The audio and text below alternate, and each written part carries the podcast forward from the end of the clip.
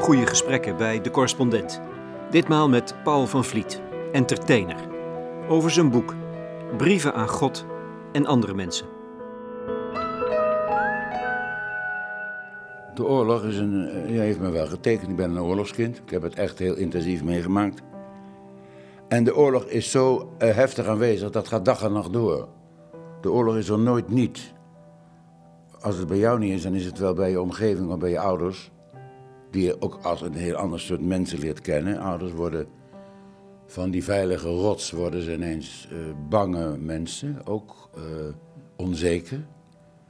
Zeker een moeder die een gezin in leven moet houden en denkt, hoe doe ik dit? Er is, er is niks meer. En dan vroeg ik aan mijn moeder, heb je niks te eten? Nee, geen, niet eens een kaaskorst? Nee, zei ze. En dan begon ze te huilen. En dat vind je als jongetje dan heel erg. Je denkt, jezus, ik heb mijn moeder aan het huilen gebracht.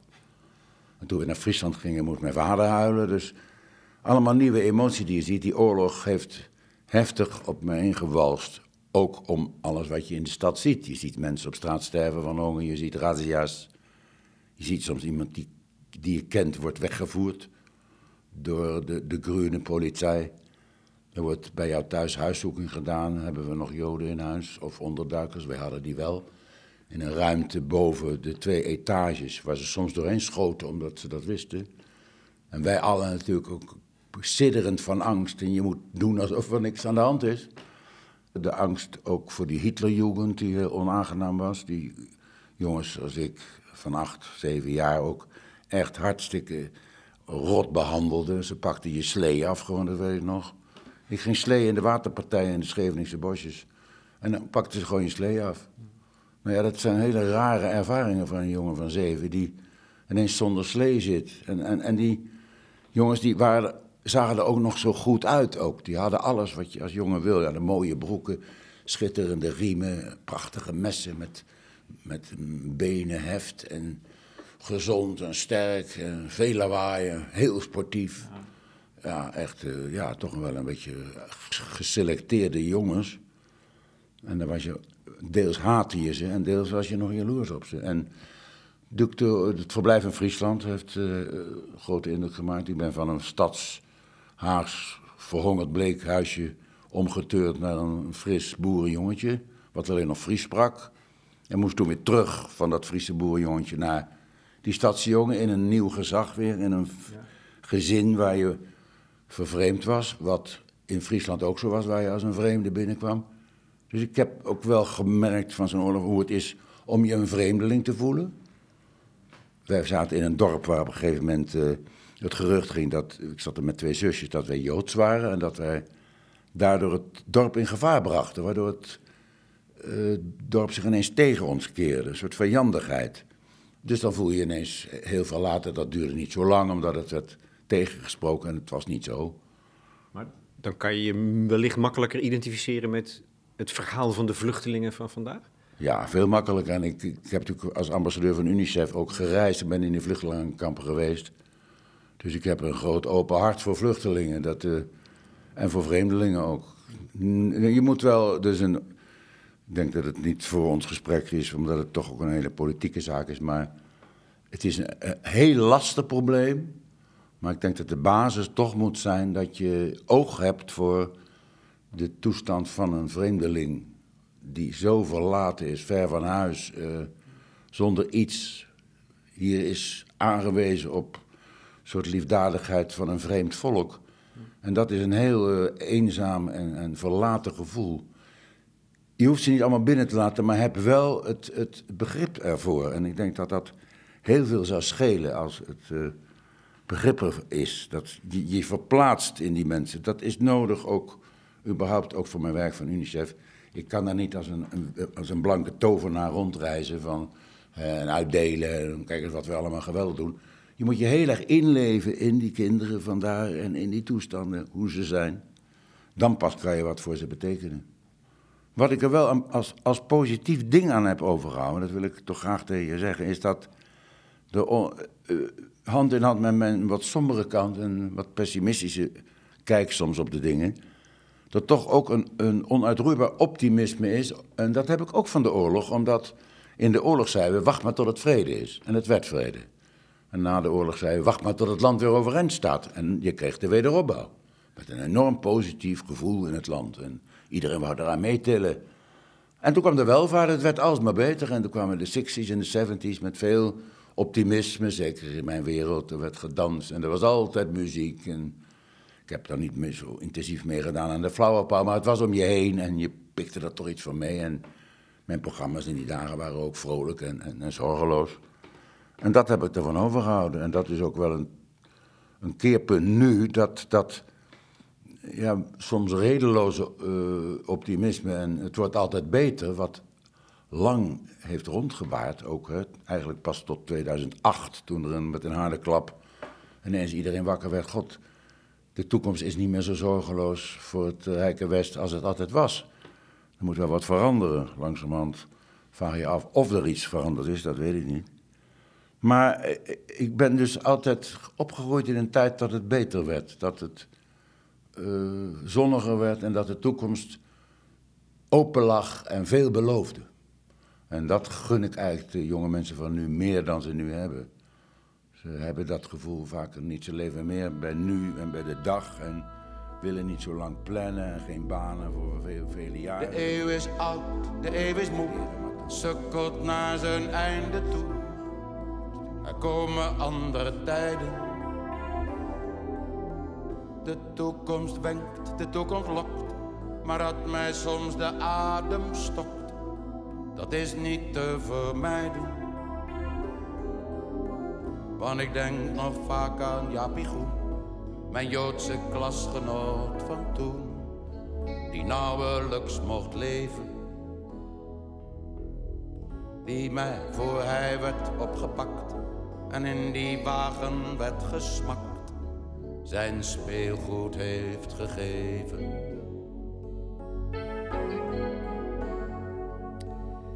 Jaapie Groen, een liedje van Paul van Vliet. Hij schreef ook een brief aan dat jongetje, opgenomen in Brieven aan God en andere mensen. 60 jaar stond hij op de planken als entertainer, altijd op zoek naar een weldadige mix van ernst en luim. In Brieven aan God en andere mensen kijkt Paul van Vliet op een openhartige en liefdevolle manier terug op dat rijke en kleurrijke leven. Hij adresseert mensen die er een rol in hebben gespeeld. En dat levert een ontroerende serie portretten op van zijn ouders, het eerste meisje waar hij verliefd op werd, zijn huidige geliefde, zijn geëmigreerde zus, dat Joodse jongetje dat op een dag verdwenen was, Audrey Hepburn, het huis in Spanje en ga zo maar door. Alles wat zijn leven mede vormgegeven heeft. En zo laat dit boek zich lezen, vraag ik, in de geest van Rebecca de Wit, als een soort afhankelijkheidsverklaring? Daar moet ik even over nadenken. Uh, ben ik afhankelijk? Ja, natuurlijk. Ik ben afhankelijk van mijn omgeving, van mijn talent. Ik ben afhankelijk van mijn stad, mijn land, mijn tijd. Een heleboel dingen die invloed op mij hebben. En die mij uh, minder onafhankelijk maken dan ik misschien zou willen. Het is natuurlijk een modern ideaal. Hè? Het individualisme viert hoogtij. Ik wil onafhankelijk zijn. Er zijn zelfs mensen die zoveel hamsteren dat ze zelfs qua eten straks onafhankelijk zijn. Ik heb mensen die dat gedaan hebben. Kelders vol met be bewaarbare spullen onafhankelijk van straks als ze komen en wie ze zijn, dat weten we niet. Of onafhankelijk als wij hier overstromen. En dit soort defetistische denken wil ik niet. Maar ik vind het ook niet erg om, uh, om in die zin afhankelijk te zijn.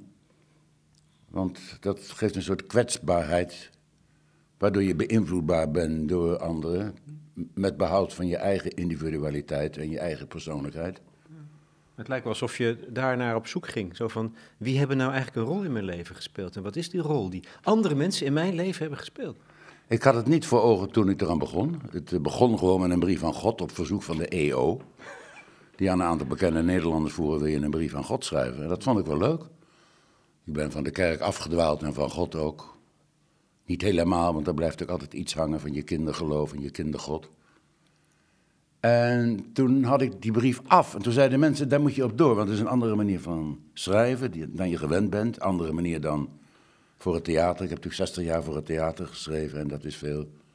Ja, dan ben je afhankelijker van je publiek. Hè? Je doet het voor mensen. Dus als die mensen het niet leuk vinden, dan kan je eigenwijs zeggen... Ja, ik vind het wel leuk, maar zo eigenwijs moet je niet zijn. Dan moet je toch wel dingen veranderen. En toen had ik die brief van God af. En toen eh, heb ik afscheid genomen van de grote show vorig jaar mei. En toen zei iedereen, joh, je kan helemaal niet zonder spelen. Je hebt 60 jaar gespeeld, het is je leven, het is je alles. Jij valt in een groot zwart gat. En ik dacht, misschien hebben ze gelijk. En toen had ik die brief van God. Ik dacht, ik wil misschien daar wel eens op door. Toen vond ik een uitgever, Geurt Gaarland, en die zei, dat wil ik graag hebben, brieven. Brieven van jou, en aan, aan wie dan? Toen zei ik, nou, brieven aan God en andere mensen. Toen zeiden ja, dat is het. En toen ben ik begonnen, Lex.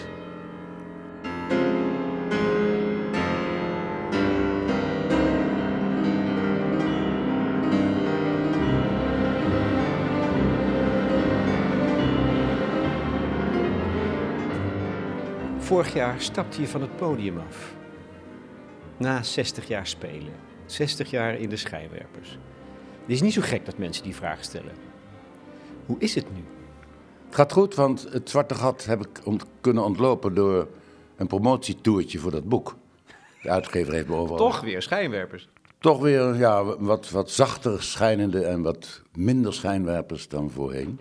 Kleine theatertjes, waar zo 100 tot 200 mensen waren. En dan werd ik geïnterviewd door iemand en pauze. Dan mochten de mensen vragen stellen en daarna las ik voor het mijn boek en dan signeren. Dat was een soort optreden, een heel ander soort optreden, veel intiemer. Mensen vroegen ook van alles, uh, kregen ook de kans om die dingen te vragen. En ze vertelden ook dingen die ze anders nooit aan je vertellen. Vertelden uh, hoe belangrijk je voor, voor, ze bent geweest, uh, dat ze het tekstboek op hun nachtkastje leggen, welke teksten speciaal voor hen van betekenis waren geweest in hun leven, dat ze om sommige teksten een beslissing hebben genomen. En dat vond ik nogal verrassend. Dat, dat hoor je natuurlijk nooit na de voorstelling. Je leest wel eens wat in een krant en een enkeling die iets vertelt hoe hij de show vond, maar echt dieper erop ingaan, daar krijg je de kant niet toe. En dat was met dat rondreizen met dat boek wel. En maar wat is dan de rol die je speelde in, in sommige gevallen? Nou, ik heb een lied geschreven, Ik drink op de mensen, die bergen verzetten, die door blijven gaan met hun kop in de wind. Daardoor hebben mensen door die tekst besloten te emigreren, uh, te verhuizen, iemand ten huwelijk te vragen of eruit te sodemieteren. Um, niet dat ze die beslissing niet zonder mij zouden hebben genomen, maar een klein zetje kun je mensen geven in een bepaalde richting. Dat ze zeggen, hij zegt het of hij zingt het, ik doe het. Dat soort dingen. Ik heb een lied geschreven uh, dat ik in mijn eigen bed wil sterven, liever dan in de anonimiteit van een ziekenhuis. Daardoor hebben mensen, het die behoorlijk terminaal waren, tegen de ziekenhuisdirectie gezegd: Ik wil naar huis. En dan zei zo'n dokter: Dat kan niet, jongen of meisje. Ja, maar hij zegt het, hij zingt het. En door dat lied uh, zijn ze naar huis gegaan en zijn in hun eigen bed gestorven. Ik heb als mensen gehad die door dat lied naar huis gingen en mij nog wouden spreken. Ik heb een keer een jongen aan de telefoon gehad die de laatste twee uur van zijn leven tegen mij heeft gepraat. En na het gesprek is gestorven. En dat wordt mij dan verteld na, dat, dat, na die lezingen van, van mijn boek. Want dan ben je dichterbij gekomen. Ze zijn door dat boek vaak, wat ze al hebben gelezen, iets dichterbij gekomen. Ze hebben soms een leven lang met mij geleefd. En durven dan ook hele intieme dingen te zeggen. En wat betekent dat dan voor jou? Dat vind ik mooi. Het is een soort uh, ongedacht staartje aan, het, aan mijn carrière. Iets, uh, iets nieuws, iets moois, iets intiems. Dus het, het, het, is me best goed gegaan dit jaar. Ik krijg natuurlijk volgend jaar een, een, nieuwe op, opdracht. Dan uh, heb ik eigenlijk nog niks staan. Behalve een toertje met het Noordpoolorkest om wat liedjes te zingen. Maar dat is hobbyen, dat is niet meer de showbiz. Na 1 januari staat er niets meer in de agenda. En dan is het het uur van de waarheid en dan weet ik het niet langs. Je schrijft wel in een van je brieven dat dit het moment is waarop je je eigenlijk gaat verstaan of moeten verstaan met je angsten, je eenzaamheid, je kwetsbaarheid. Dat is natuurlijk een heel ander verhaal nog. Hè? Dan lijkt het wel alsof je zo'n toertje met publiek weer, alsof je toch nog ontloopt. Terwijl je zegt het volgens mij ergens. Nu is de tijd gekomen om je te verzoenen met je angsten, eenzaamheid en de dood. Hoe gaat het daarmee dan? Ja, ik heb dat inderdaad nog een beetje kunnen ontlopen. Ik heb er nog niet zoveel over nagedacht. Ben jij een ontloper? Nee, eigenlijk niet. Ik ben wel een aanpakker. Maar ik ben wel laat volwassen geworden. Ik ben wel laat gaan denken over de grote dingen van het leven. Ik heb een beetje intuïtief geleefd en ook intuïtief geschreven. Vaak ook dingen geschreven die pas veel later werden gedekt door de waarheid. Maar ik ontloop het niet. Ik, uh, ik denk er even niet aan nog. Ik vind het ook eng om, uh, om dingen over de dood uh, al vast te stellen. Dat, dat kan volgens mij niet. En ik ben natuurlijk, natuurlijk bang voor dat mij dingen overkomen. Dat ik een, een akelig slot heb met dementie en, en verschrikkelijke klachten. Dat je een onwaardig slot hebt. Normale angst. En die sluimert wel, daar denk ik wel aan. En de eenzaamheid oplossen, ja, dat weet ik niet of dat kan. Het is een soort structurele eenzaamheid die wel altijd een beetje in me heeft gezeten. En ja, of ik dat ooit zal oplossen, weet ik niet. Ja. Dit, dit is Liederwij. Ja, dat begrijp ik. Dag Liederwij. Nooit op te lossen, die eenzaamheid. Ook, ook niet met Liederwij. Voor een heel groot deel met Liederwij. Maar er is een soort diepere eenzaamheid die voor mijn gevoel niet op te lossen is. En dat, dat, dat hindert ook niet. Het is niet een, een, een eenzaamheid die mij kwelt of mij plaagt. Die is er gewoon. En dat heb ik eigenlijk altijd wel een beetje gehad. Een soort uh, melancholieke, wat sombere kant, die af en toe de kop opstak. Maar dat ging ook weer over. Maar er blijft ergens een basis van dat er iets niet nog is opgelost. Als het ooit wordt opgelost. En dat, dat laat ik maar zo, want uh, daar kan je voor alles voor gaan zoeken. Uh, ik ben natuurlijk heel erg op zoek geweest. Niet dat ik in allerlei spirituele richtingen heb gezocht, maar ik heb het wel heel erg gevonden in, in, in mijn werk, omdat het veelzijdig is gedaan. Ik heb een eigen theatertje, uh, ik heb een eigen bedrijf gehad, eigen personeel. Ik ben dus ook wer werkgever. Ik doe niet alleen maar grappen, ik vertel verhalen, zing liedjes. Ik probeer, zeker de laatste twintig jaar van mijn carrière, wat dieper te graven en persoonlijker te worden. En dat succes wat ik daarmee heb gekregen is niet voldoende om die eenzaamheid op te lossen. Want je stapt theater uit en vroeger werkte dat een paar dagen, zeg maar de, de glorie en, en, en, ja, de roes van de, van de show. Dat is nu na een half uur is het voorbij. Dan is het leven weer normaal. En dat is denk ik ook gezond. Want, want het leven is natuurlijk buiten een theater. Het theater is een heerlijke schijnwereld, maar het, het werkelijke leven ligt ergens anders. Ja. Ja, je hebt het wel 60 jaar met grote inzet en succes gedaan. Natuurlijk. Het was mijn werkelijkheid. En als ze vroegen, uh, wat is je leven? Dan zei ik, dat is het toneel. Als ik op het toneel ben, dan ben ik mezelf en daar is het compleet. Maar ik ben nu 83 en speel dus veel minder en heb veel minder uh, de, de roes van, van het spelen, het schrijven, het, het, het, het het, het, helemaal erin ondergedompeld zijn, wat ook noodzakelijk is om het succes te houden, ja, dat wordt, wordt relatiever. En dat uh, is ook gezond, denk ik.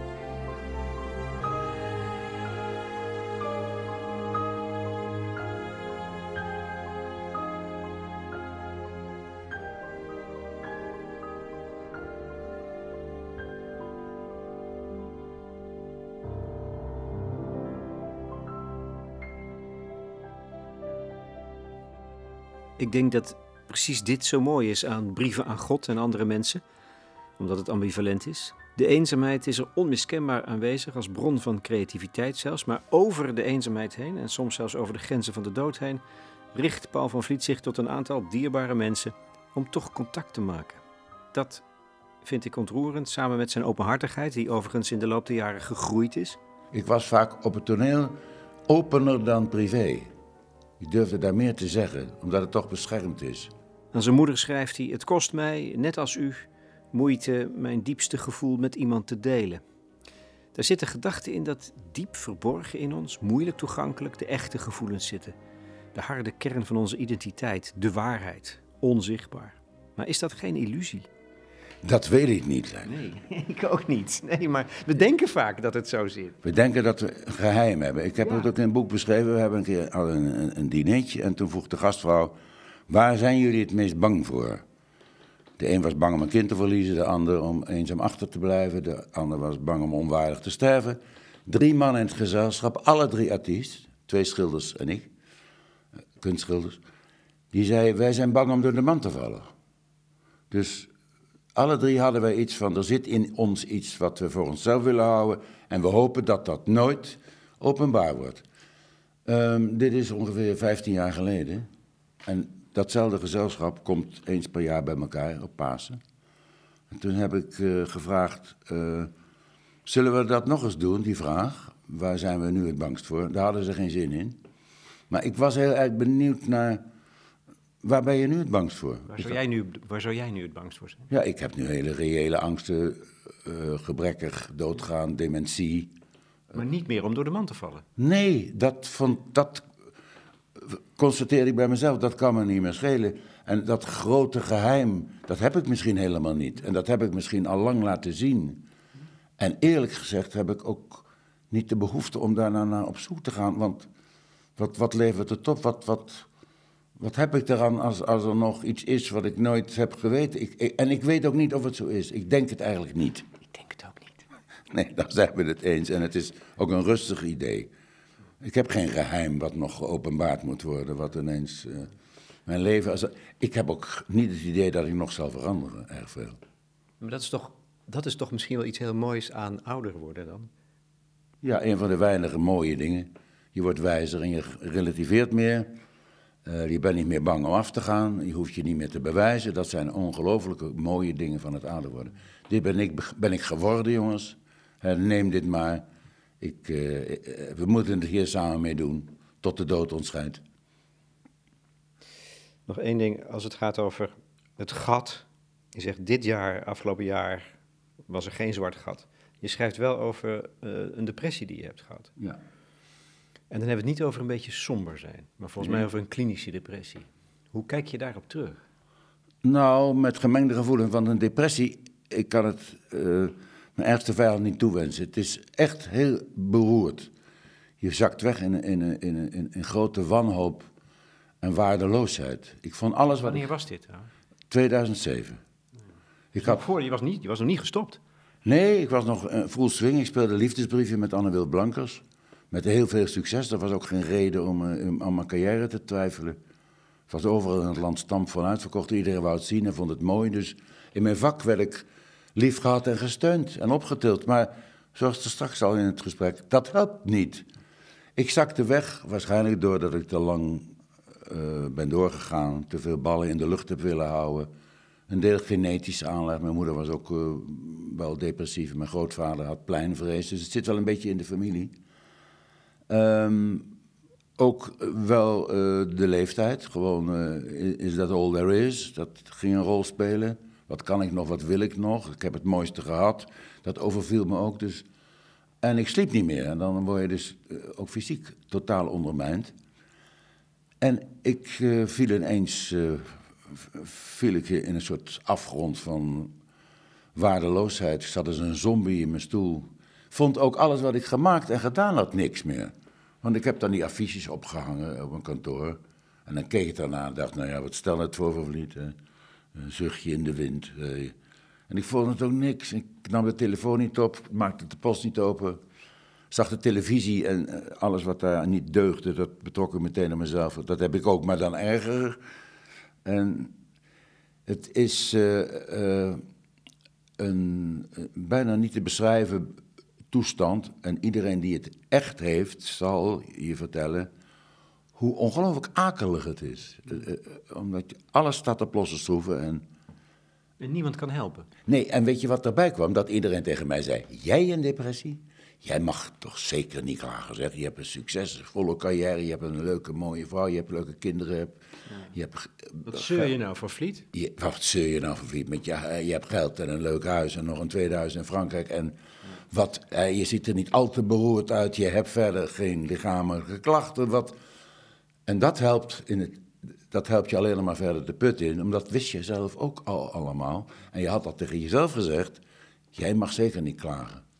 En wat ook niet helpt, is van kijk eens hoe, hoe het zonnetje en buiten, het, het maakt je alleen maar schuldiger tegenover de werkelijkheid die in strijd is met hoe jij je voelt. Dat is ook nog er, dat is dubbel gestraft. Je maakt jezelf ook nog eens schuldig voor die gruwelijke ellende waar je in zit. Ja, dat is schuld hoort daarbij. Waardeloosheid, treurigheid, fysiek moe, uh, nergens zin in. Het is een nee. Hoe lang heeft het geduurd? Nou, een half jaar bij mij echt. En toen ben ik door pillen en door therapie. Hele aardige, wat oudere psychiater heeft me echt geholpen. Met een paar eenvoudige richtlijnen, niks vermijden. Uh, niks forceren. En het zijn uh, gedachten en geen feiten. Dus ik ben mezelf gaan voorhouden. eh, is, is het een feit of is het, bedenk ik dit? En dat heeft mij erg geholpen.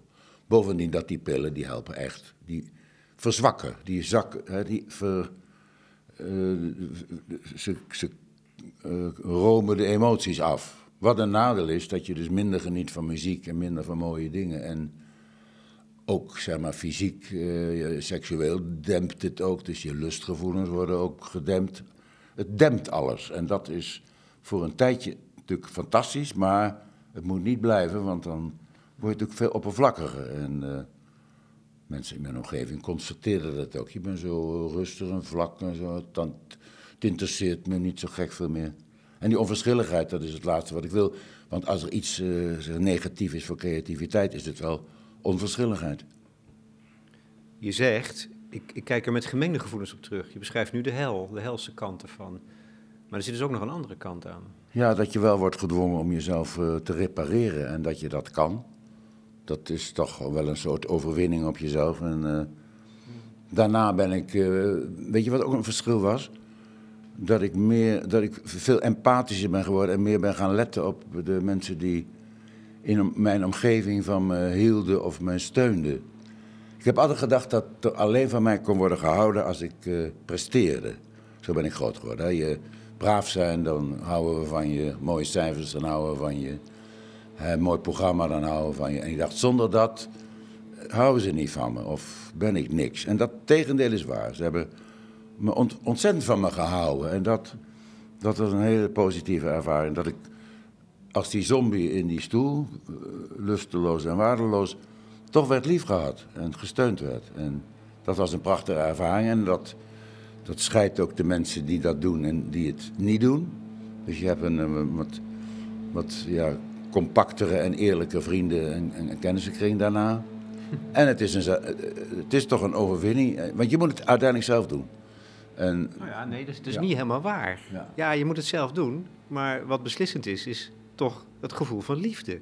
Liefde voor jou, zoals je bent. Absoluut. Dat, dat, en dat, dat, zonder dat kan je niet. Ik denk niet dat je het helemaal in je eentje kan.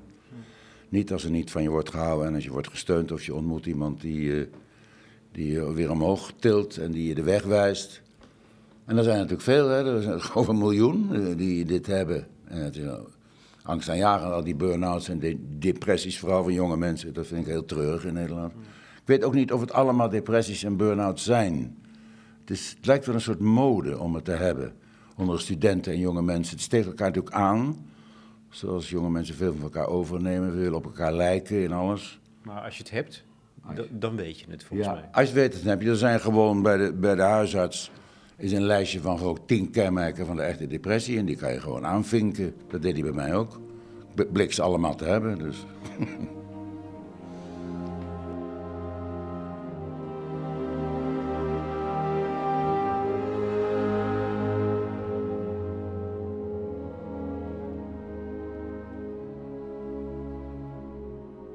Het is eh, ooit gaf René mij, filosoof des vaderlands geweest, Ja. Een prachtig beeld voor hoe het is om, om te- dicht tegen je dood aan te zitten. En zei van, ja, je leeft vooruit in een speedboot. En als je weet dat die dood dichterbij komt, dan draai je om en dan stap je over in een roeiboot. En dan ga je dus met je rug naar de toekomst zitten en je kijkt terug op je verleden. Dat is ook een van de dingen waarvan ik denk, ja, dat heb je. Je zit nu in een roeiboot. Niet dat de dood zo dichterbij is, zo zie ik het niet. Maar je zit wel in een roeiboot en je hebt teruggekeken op je leven. Wat zie je dan eigenlijk? Zie je daar eh, eh, eh, met die prachtige portretten die je maakt, onder andere van je ouders, maar ook van Audrey Hepburn, of van het eerste meisje waar je verliefd op was, of het jongetje dat verdween in de oorlog. Al die fijnzinnige kleine portretten. Zie je dan een, rooi, een soort rode draad, een levenslijn? Nee, geen rode draad, wel kleuren. In dit verband kan ik je nog een aardig verhaal vertellen. Dat bij die psychiater, die zette mij een keer in zijn kamer. En zei tot aan een streep van de muur: Kijk eens terug op je verleden. Wat zie je? En ik eh, keek naar dat verleden en zag nogal een vrolijk, kleurig, kleurige weg. Met veel erop en eraan en veel afwisseling. Niet, Het feest eigenlijk, het ja, feest. niet eens eigenlijk uh, mensen of gezichten, maar wel een soort abstract, langwerpig schilderij. En toen zei hij, draai je om en kijk nu naar de toekomst. Je mag ook niet verder kijken dan tot een meter van de muur. En dat was verwarring. Uh, allemaal draden die door elkaar heen liepen en er zat geen enkel verband in en het was nogal donker. Dus mijn toekomstverwachting was kennelijk dus niet zo vrolijk. Maar de blik op het verleden wel. En dat vond ik wel heel prettig toen. Om dat te ervaren dat ik een heel positief gevoel heb over mijn verleden. Uh, en, en, en, het is ook zo, want ik heb dan later, dacht ik, nu ga ik er echt eens over nadenken of hoe, hoe dat verleden op me overkomt, los van het bezoek aan hem. Op mijn eentje, gewoon lopend langs het strand, dan ga ik eens over mijn verleden nadenken. En toen had ik eigenlijk, ja, een mooi, rijk, gevarieerd leven heb je gehad. Je kan er blij mee zijn, je kan er voor een deel trots op zijn. Het begon met God. Brief aan God. Nee, het begon met de EO. Ja. ja. toen kwam er een brief. Dat is mooi, hè? Je schrijft een brief aan God en dan bestaat hij ook. Ja. Want je adresseert hem. Ja. Dan is hij er. Dus wie is God? En dat is het leuke van brieven schrijven. Dat je dus uh, ook al bestaan ze niet, of denk ik dat ze niet bestaan zoals God, dat hij wel gaat leven. Ik heb hem heel duidelijk voor me gehad toen ik hem schreef. En dan heb je toch een onontkoombaar beeld van je kindergod. Door iets van die man die boven daar zweeft in, in, in, in zachte kleuren en op ons let. Ik vond altijd wel een lieve man, God. Ik heb nooit uh, gedacht dat het een boosaardig God was, zoals de Israëlieten zeiden. De Heere God is een boosaardig God, heb ik nooit gedacht. Ik vond het een vriendelijke man. En die brief is dus ook in, in, die stijl geschreven aan hem. Het is lang geleden dat ik het woord tot u heb gericht. Neem me niet kwalijk, God, maar zo liep het nou eenmaal. Ik ben mijn eigen weg gegaan. Ik dacht, ik doe het wel zelf. Dat is een beetje de strekking. Maar ik kan het best alleen. Ik kan het best alleen. Ik heb mijn eigen eredienst in het theater. En daar ben ik mijn eigen heilige, of God, zo u wilt, concurrent. Maar langzamerhand, nu ik ouder word, komt toch behoefte aan, ja, iets meer zekerheid daarin. Ik heb toch wel, ja? Ja. Ik kan me dat dus eigenlijk bijna niet voorstellen. Als je nou zo lang daarmee geleefd hebt. Hoe, waar, door welke kier komt dat dan? Ja, dat is toch een soort onzekerheid over straks. Echt waar? Je hebt, ik heb geen idee, ik hoop dat het... Ik, ik weet zeker dat het hier afloopt. Ik heb geen idee van een hiernamaals. Ik heb daar vrede mee, ik wil graag begraven worden. Ik vind het een leuk idee dat er uit mij weer een viooltje groeit. Zoals Simon Kamichot heeft beschreven.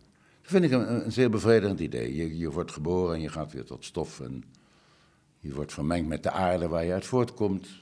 En daar groeit iets uit. Nou, prima. Deel uitmaken van de cyclus. Deel uitmaken van de cyclus, ja. En uh, ik vind wel dat je binnen die cyclus er zoveel mogelijk mee moet doen met die talenten die je hebt gekregen. Voor heel, jezelf. Dus heel bijbels, hè? Ja, is ook. De gelijkenis van het talenten vind ik ook een hele bruikbare gelijkenis waar ik ook naar probeer te leven. Gebruik je talenten niet alleen voor jezelf, maar ook juist voor anderen. En dat is ook een besef dat natuurlijk naarmate je ouder wordt, sterker wordt. Maar wie is God, Lex? Ja. Er groeit dus toch iets van, hé, hey, hij krijgt, hij, zij, uh, gestalte. Ja, en heel erg vaag. Ik, ik, ik, ik heb het in die brief aan hem ook geschreven. Ik zie u nu in dit moment van mijn leven als uh, het, het, mysterie, of in uh, onwaarschijnlijk mooie kunst, of in de natuur soms, of in de onschuld van een kind. En laatst had ik nog een nieuw woord ervoor bedacht, wat ik eigenlijk heel bruikbaar vind voor God. God, jij bent de oneindigheid. En daar kan ik heel goed mee leven, want dat is net zo goed als ik kan leven met de oneindigheid van het heelal. Als ik op mijn rug lig en ik kijk naar boven, en dat heb ik wel eens, dan probeer ik door te kijken door die hemel heen. En dan me voor te stellen dat daar nog duizenden melkwegstelsels zijn. En dat achter die zwarte gaten nog weer eindeloos het heelal doorgaat. Dat kan ik me dan voorstellen. En nou, laat God daar dan ergens maar zijn. In de oneindigheid. Onbereikbaar en onbegrijpbaar. En, en niet ingrijpend in de wereld. Maar als een soort. Uh, oerding wat van nature goed is. En wat misschien in ons allen zit als ja, een stukje van God, van dat onbegrijpelijke mysterie waar alles klopt.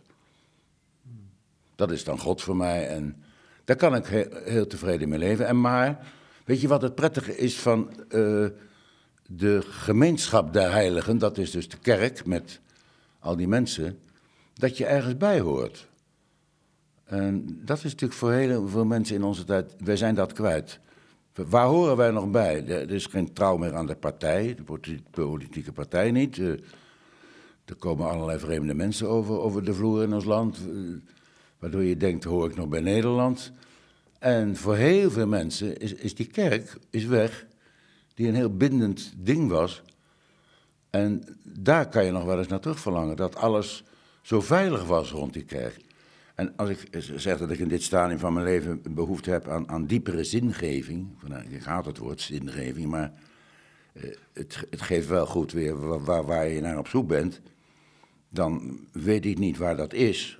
En ik ben er ook niet echt naar op zoek, terwijl ik dat wel schrijf aan God. Uh, ik zoek ernaar en misschien bent u het toch. Hè? Dat weet ik niet. Ik hou dat allemaal open. Dat zijn vragen waar ik ook niet zo erg vind om, dat, om ze open te laten. Maar ik ken dus heel veel mensen die toch in het laatste stadium van hun leven God weer hebben omarmd en hebben teruggevonden. Het gaat om een soort overgave, hè? Ja. Daar, daar, gaat het eigenlijk over. En ik zal weten, hier, dit is, daar zie je, sluit je mee af. Ja. Ik zal weten dat u het bent als ik, mij als ik mij onvoorwaardelijk heb overgegeven en mijn eenzaamheid zal zijn verdwenen. Vind ik mooi hoor, dat je daarmee eindigt. Want het is een als. Ja. Het is ook, het laat, het laat iets open. Het, het getuigt niet van grote zekerheid, van dat wordt het. En ik weet dat ik u zal ontmoeten. Maar het is een, eh, een vermoeden en ook wel iets van hoop. Dat het zo zal zijn, dat het de dingen oplossen. Maar die overgave vind ik wel belangrijk. Dat je niks meer ophoudt. Dat is een stadium waar ik wel naar kan verlangen. Dat je, dat gaat geleidelijk aan wel als je ouder wordt. Als het tenminste normaal gaat, dat je in dat ouder worden ook dat afwerpt, dat harnas. Tuurlijk. Maar beschrijf, sorry, beschrijf je dan eigenlijk niet het moment van sterven? Ja, dat is het vlak daarvoor. Of ja, voor de laatste, het laat, allerlaatste stadium. Als je dan alles kan laten vallen en hier ben ik, neem mij maar. En wie dat dan is, ja, dat, dat laat ik dan open. Ik weet niet of je dat ooit zal zien. Mensen zeggen dat ze het licht zien. Of een, hè? De laatste Wörter des großen Dichters Goethe waren licht, meer licht. Nou, de geleerden hebben zich eh, eeuwen erover gebogen. Wat bedoelde Goethe? Wil hij meer licht omdat hij bang is of zag hij het licht? Dat weten we niet. Ik heb een vriend, Thomas Rapp, uitgever. Die was een, was een grote spotter. Ook met God en alles. En die kreeg prostaatkanker in het laatste stadium. Werd echt, had nog een paar maanden te leven. En die zei, ik wil een pastoor. Tot ontzetting van zijn vrouw en dochters. Die ook altijd met hem spotten over God en alles. Hij was vroeger katholiek opgegroeid. En eh, die pastoor heeft het eigenlijk overgenomen. Die heeft hem helemaal gevuld weer met het oude geloof van zijn kindertijd. En heeft hem de laatste sacramenten toegediend. En Thomas was daar heel blij mee. En gaf zich inderdaad die laatste tijd volledig over aan zijn oude kindergod. Dus dat komt voor. En, hoe, vond jij, hoe, hoe, vonden jullie, hoe vond jij dat? Hoe vond jij dat dan? Ja, ik vond het ook gek. Maar ik dacht, ik zag aan hem dat hij er blij van werd. Dus was ik blij voor hem. Dat kinderlijke, blije geloof, daar kan je best jaloers op zijn. Omdat het veel van je angsten en je onzekerheden wegneemt. Je, je geeft het over aan aan die God. En dat is misschien, als God daarvoor is, is die ongelooflijk nuttig. Als hij functioneert als instituut, waar je alles kunt neerleggen en dat dat ook als mens zo voelt, dat je het bij hem neerlegt en dat je het kwijt bent en dat het veilig is. Dat is mooi, als dat zo zou zijn. Ja, kijk, ik ben zo bang dat als het zover is, dat er dan mensen gaan beslissen over mij. Mijn lichaam en mijn leven en mijn dood. Omdat ze vinden dat ik zelf dat niet meer kan. Dat zij dat dan. Dus daarom zeg ik het je toch maar liever nu. Laatste wens. Nog zo'n liedje waarmee Paul van Vliet mensen steun gegeven heeft, een, duwtje in de rug. Opvallend is dat hij als rechterstudent nog assistent is geweest bij Huib Drion. De rechter, hij lid van de Hoge Raad, die ooit, lang geleden, begon met de discussie over voltooid leven. Welk recht heeft de staat om mij de middelen te ontzeggen om een einde aan mijn leven te maken als ik vind dat het voltooid is? Ook Paul van Vliet heeft zich nadrukkelijk gemengd in die discussie. Maar als assistent heeft hij dus nog werkcolleges burgerrecht gegeven. En een heel enkele keer, Lex, kom ik nog wel iemand tegen. bij die lezingen en die vragen. Ik heb nog van jou heb ik nog werkcolleges gehad, het recht in de praktijk. En dan vraag ik altijd, hoe was dat? Want ik weet daar eigenlijk niet zoveel meer van. En dat waren best slimme jongens die je probeerden te vangen. Ja. En het was om negen uur s morgens en ik had toen al Theater Papijn... waar we tot vier uur s'nachts bleven hangen omdat we alles zelf deden. Dus ik, uh, het was een zware tijd. Dus zei, nou, over het algemeen is de reactie gunstig, maar ze zijn het misschien ook vergeten. Maar Drion was een bijzondere man en die heeft dus de lef gehad om Mooi. de pil van Drion te lanceren, wat best een sensatie was en nog eigenlijk altijd. Opeens gaat er dus een luik open en dan zie je opeens een heel ander leven voor Paul van Vliet. Dat had het zo dus kunnen zijn, toch? Dat je daar even langs gescheerd bent en net niet. Ja, oh, daar krijg ik wat nachtmerries van. Ja? Ja, want mijn vader zag toen uh, voor mij een wetenschappelijke carrière. En in die dagen was professor nog het allerhoogste bereikbaar. Stond ver bovenaan, geloof nog boven de koningin. Als meest respectabel beroep. Dus mijn vader dacht, Paultje die wordt assistent van Drion. Die gaat promoveren, want dat had Drion tegen mijn vader gezegd. Als die jongen even doorwerkt aan die scriptie. Dat is een prachtig proefschrift. Dus mijn vader zag al dokter P.P. van Vliet voor zich. En dan in de, aan de horizon het professoraat. Dus toen ik zei dat ik cabaretier was, was het heel erg verdrietig. Maar uiteindelijk werd hij mijn grootste fan. Ja, maar goed, je, ja, uh, uh, nachtmerrie? Want het is, dat is ook een lot. Hè? Of, of denk je van ja, je ontloopt maar net het verkeerde lot of zo, met een beetje mazzel. Ben je dan gewoon een mazzelaar geweest? Ik ben een mazzelaar geweest dat ik de, de, de juiste keuze heb gemaakt. En dat moet je, mazzel, je moet dus mazzel hebben om de juiste keuze te maken. Ja, wel een beetje. Die keuze maak je op een leeftijd dat je het nog niet weet. Ja. Waardoor zoveel mensen van baan switchen tegenwoordig. En niet trouw blijven aan hun eerste keuze. En denken dat is zekerheid. En dan heb ik mijn pensioen en dan blijf je 40 jaar. Dan is mijn kostje gekocht. Maar ik heb grote risico's genomen. En uh, ben zeker gebleven van die keuze. Ik heb daar nooit een dag aan getwijfeld. En ik heb natuurlijk geluk gehad dat mijn manier van theater maken gedeeld is door een groot publiek. Dus ik heb. Je, je kan die keuze wel maken hè, dat je theater in wil. Maar als ze je niet mogen, hè, dan moet je heel gauw wegwezen. Maar ze mochten me. En ze, ze zijn een beetje van me gaan houden. En ik heb een groot eigen publiek opgebouwd. En daardoor is die keuze uiteindelijk gerechtvaardigd. Maar dat was het toen niet, want ik heb nog 60.000 gulden geleend. En begon een riskant avontuur in een theatertje. En dus was die keuze wel gerechtvaardigd. Maar dat is gebleken en dat is mazzelen. Nou ja, als je terugkijkt op je leven, dan zie je dus ook, hey, risico nemen. Hoe mooi en hoe goed. Dat is het dan toch ook? En dat, ik kan me voorstellen dat dat zo fijn is, als je dat ziet. Ja, risico's nemen zijn noodzakelijk om iets te bereiken, in wat voor beroep ook.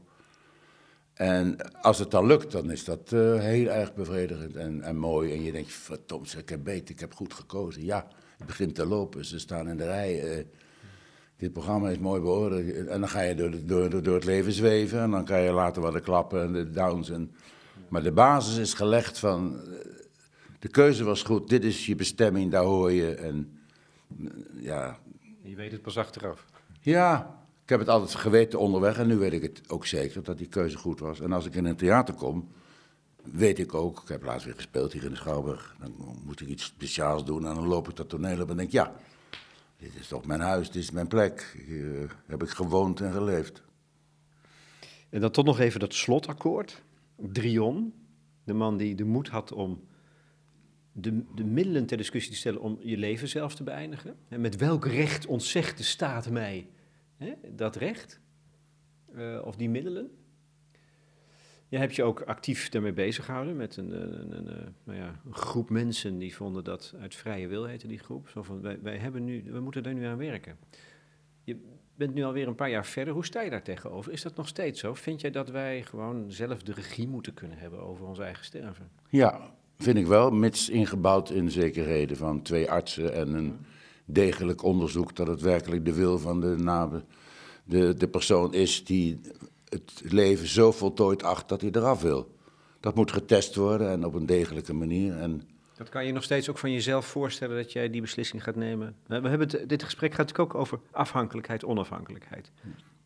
eigenlijk tendeer je veel meer naar afhankelijkheid, naar samen en gemeenschap. En, en dat idee van de regie over je eigen leven is vaak, wordt vaak verdedigd met onafhankelijkheid, zelfbeschikking. Ja, want dat is wel het interessante, blijkt nu aan het eind van ons gesprek.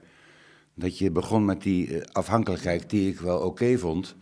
Dat ik het niet erg vond om, om, om kwetsbaarder te zijn en afhankelijk van mensen om me heen en allerlei andere omstandigheden.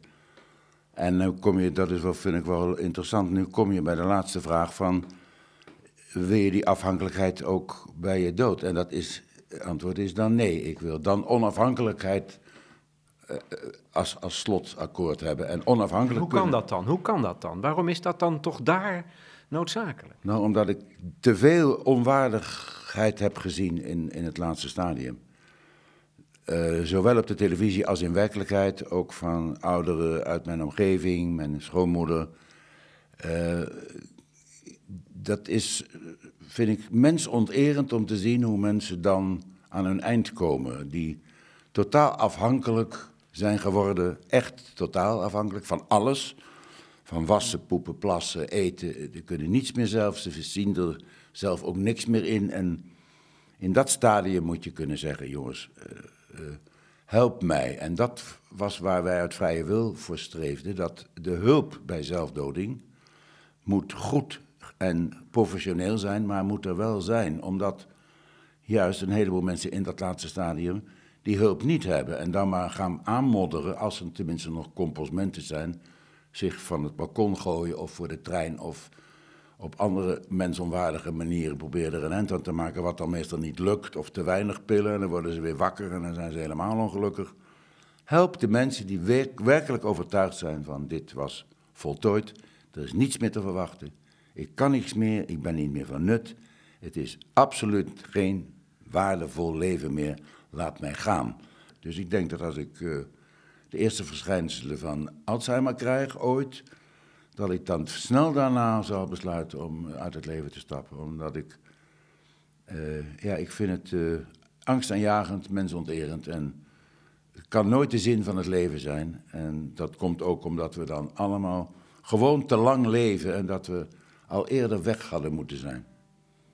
Nou, ik hoop dat jij nog wel een tijdje voor je hebt. Volgens mij is jouw leven nog niet voltooid, toch? Dat, ik, dat we even in, in, met die, eh, in, in majeur eindigen. Ja, alsjeblieft. Eh, nee, dat is absoluut niet zo. Ik heb nog veel te doen. Eh, ik weet niet wat voor terrein, maar ik heb de creativiteit nog van mijn ouders... die ook allebei tot op hoge leeftijd zijn blijven creëren.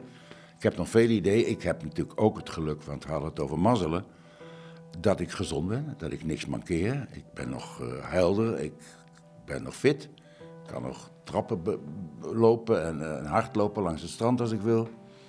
Dus mijn omstandigheden zijn nog heel goed.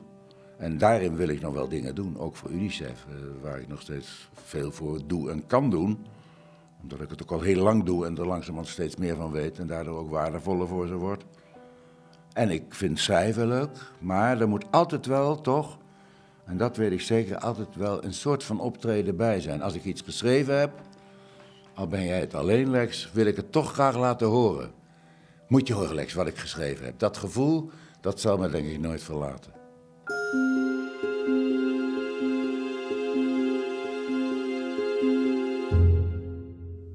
Paul van Vliet in gesprek met Lex Bolmeijer voor de correspondent over zijn boek Brieven aan God en andere mensen, uitgegeven door Balans.